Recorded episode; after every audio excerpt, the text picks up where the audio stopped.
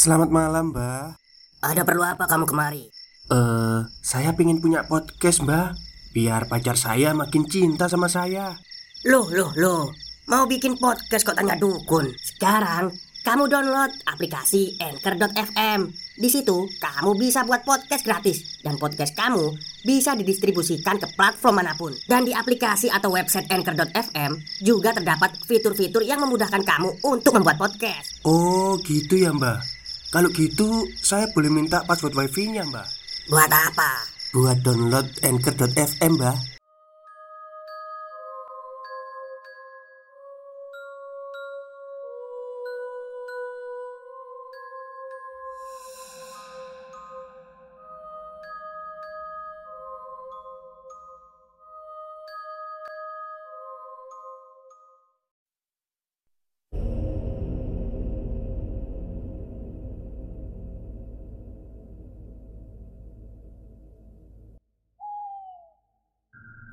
Assalamualaikum warahmatullahi wabarakatuh. Halo semuanya. Jumpa lagi dengan saya Chow Sing Sing Kurator dari Podcast Horror Night Story. Halo, apa kabar semuanya? Semoga kalian semua baik-baik saja ya. Jadi sebenarnya cerita ini tuh Diupload kemarin uh, hari Kamis malam Jumat. Cuman berhubung wifi warkop lagi ngedon Jadi ya hari ini malam ini baru bisa upload. Jadi cerita pada malam hari ini saya datangkan dari tweet twitternya Mas Rian Yang menceritakan tentang pengalaman temannya Saat menjadi supir jenazah di sebuah rumah sakit. Ya, sebenarnya sampai sekarang masih jadi supir jenazah ya, kalau lihat ceritanya. Oke, daripada kita berlama-lama, mari kita simak ceritanya. Namanya Sugeng. Pada saat dia bekerja di rumah sakit, dia menjabat sebagai seorang supir ambulan. Saat itu, Usianya berusia 21 tahun. Sebelumnya Ia tidak tahu sama sekali Kalau misalkan Dia akan ditempatkan sebagai seorang supir pengantar mayat. Tapi Karena pada saat itu keadaan ekonomi keluarganya sedang berada di ujung tanduk Dia harus menerima pekerjaannya sebagai supir mayat itu satu minggu bekerja di rumah sakit tersebut, banyak kejadian yang Sugeng alami. Yang paling menakutkan adalah ketika dia baru saja mengantar mayat pria ke dalam kamar mayat. Tiba-tiba ada yang melempar dirinya dengan sebuah batu kerikil. Saat ia menengok ke belakang, tidak ada siapa-siapa di sana hanya ada dua mayat hasil otopsi dan satu mayat yang baru ia hantarkan tadi. Setelah itu, ia pun bergegas dan membaca istighfar berkali-kali. Tidak hanya Sugeng yang ditugaskan menjadi supir mayat, ada lagi dua petugas lain yang berbeda shift dengannya, dan Kejadian-kejadian mistis tersebut memang sering pula menimpa dua petugas lainnya. Jadi, tidak hanya Sugeng yang mengalaminya. Cerita mistis yang Sugeng alami tidak hanya cukup sampai di situ.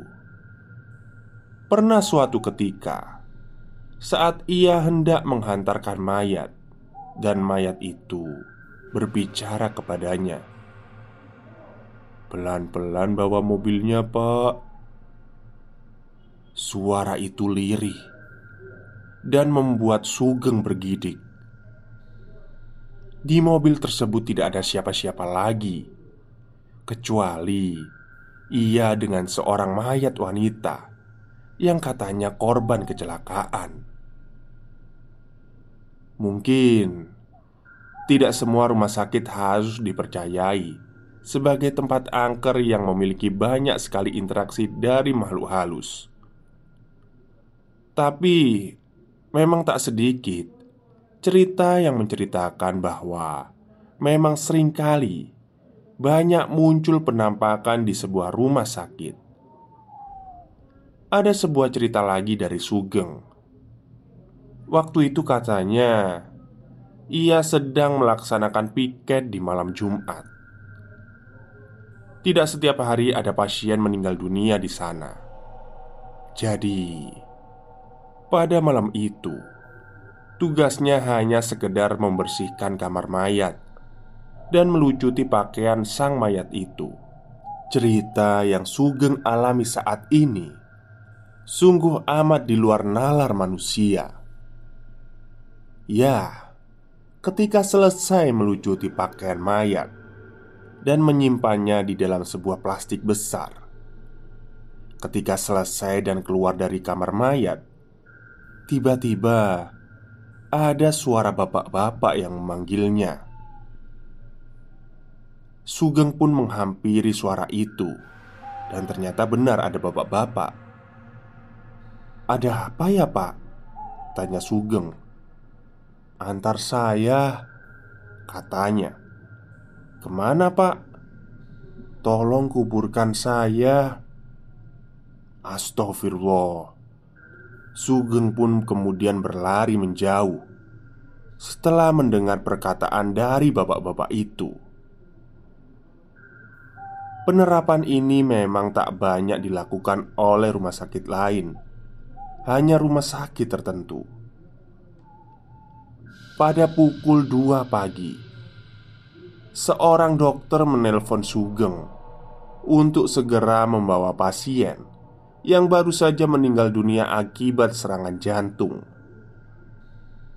Sugeng pun bergegas ke ruang rawat di tempat di mana pasien itu berada.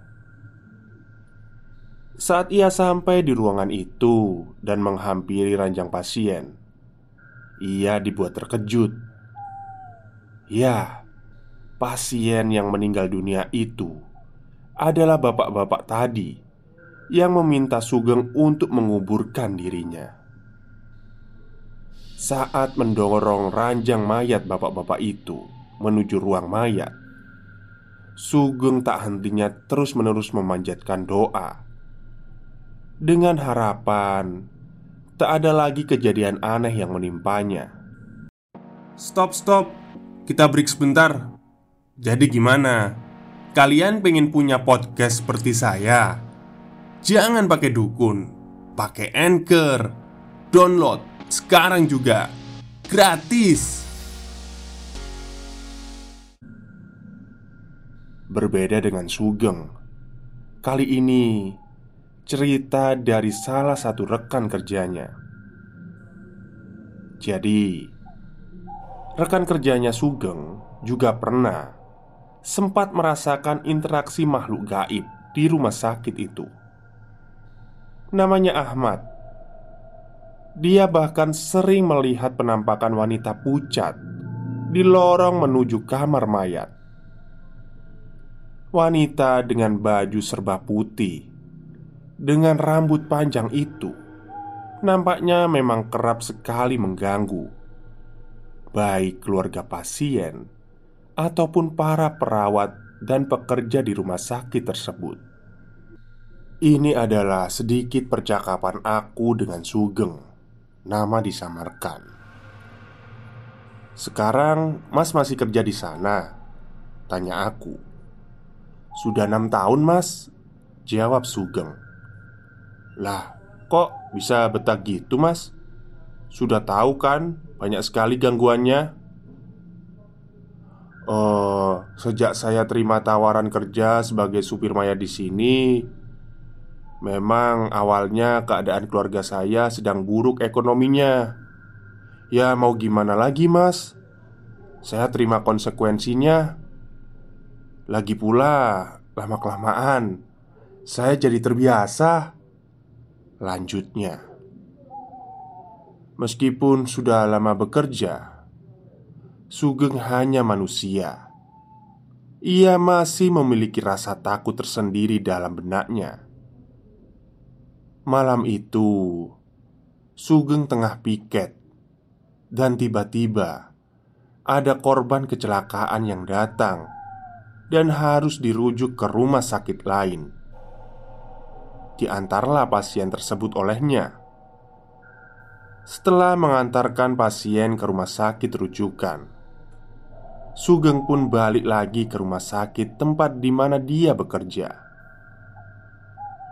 Setelah sampai di rumah sakit tempat ia bekerja, Sugeng mengantarkan berkasnya ke bagian administrasi.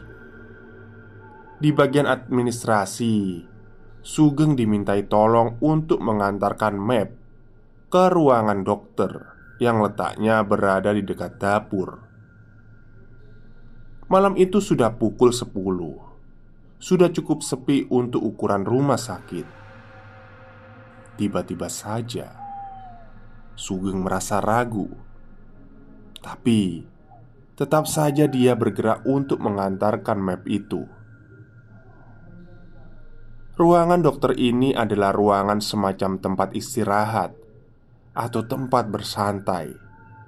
Tapi Masalahnya Ruangan tersebut berada di bagian pojok, alias paling ujung rumah sakit. Dengan gagahnya, Sugeng berkata dalam hati, "Ah, setan kan gak bakal makan manusia." Dengan terus melangkahkan kakinya ke ruangan paling ujung, gelap dan menyeramkan di rumah sakit itu. Perasaan Sugeng berangsur lega karena melihat ada bayangan manusia tengah berdiri di depan ruangan dokter itu. Ah, syukurlah, aku nggak sendiri, ucapnya dalam hati. Semakin dekat, ia menuju ruangan itu. Semakin ia merasakan kejanggalan, semakin ia mendekat semakin ada yang salah dari orang itu. Sugeng melihat orang yang dia lihat kakinya tidak menapak ke tanah. Tapi yang anehnya, tinggi orang itu menyerupai tinggi manusia normal pada umumnya.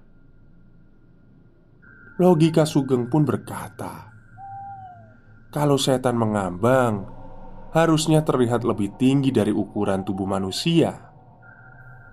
Tapi yang ia lihat persis sekali, tingginya seukuran manusia normal pada umumnya. Semakin ia mendekat, kemudian Sugeng pun menyesal akan tindakannya yang merasa penasaran tentang wujud itu. Memang benar Tingginya sama seperti manusia normal. Tapi Wujud yang berdiri di depan ruang dokter itu adalah setan. Yang Sugeng lihat tersebut Wujudnya hanya dari badan sampai kepala saja. Seketika Jantung Sugeng pun berhenti berdetak. Karena melihat pemandangan yang amat menyeramkan itu. Tapi ya Mungkin Sugeng ini sudah terbiasa dengan keadaan seperti itu. Setan tersebut pun justru diajak ngobrol olehnya. "Eh, uh, Pak, ada dokternya nggak di situ?" Tanya Sugeng. Dan sialnya, setan itu menjawab pertanyaan Sugeng. "Gak ada. Tadi mereka lihat saya langsung lari keluar rumah sakit. Katanya, "Oh, ya sudah. Terima kasih ya. Eh, kamu yang dibawa kemarin itu ya, yang kecelakaan?" "Iya, Pak. Saya masih betah di sini." Akhirnya, Sugeng pun meninggalkan tempat itu sambil menggerutu dalam hati kecilnya. Sial banget Udah gajinya kecil Lihatnya yang begituan Uh, Ya, cerita dari Sugeng selesai sampai di sini. Gak ada maksud dari aku untuk menambah atau mengurangi isi dalam cerita. Semua tertulis seperti apa yang Sugeng ceritakan. Terima kasih sudah membaca cerita saya, Rian. Baik, itulah cerita dari tweet twitternya Mas Rian ya. Silahkan follow. Jadi cari aja Rian atau nanti bisa klik uh, link yang ada di deskripsi ya, link twitternya Mas Rian. Jadi memang Mas Sugeng ini kayaknya sudah terbiasa melihat barang-barang halus, jadi ya nggak takut. Malah di adegan terakhir ini dia ngobrol sama si setan ya. Mungkin kalau sudah terbiasa itu nggak takut lagi gitu ya. Meskipun ada rasa takut tapi masih bisa dikendalikan ya. Beda kali ya sama yang jarang-jarang ngelihat gitu. Oke mungkin itu saja cerita dari saya. Semoga kalian semua suka Wassalamualaikum warahmatullahi wabarakatuh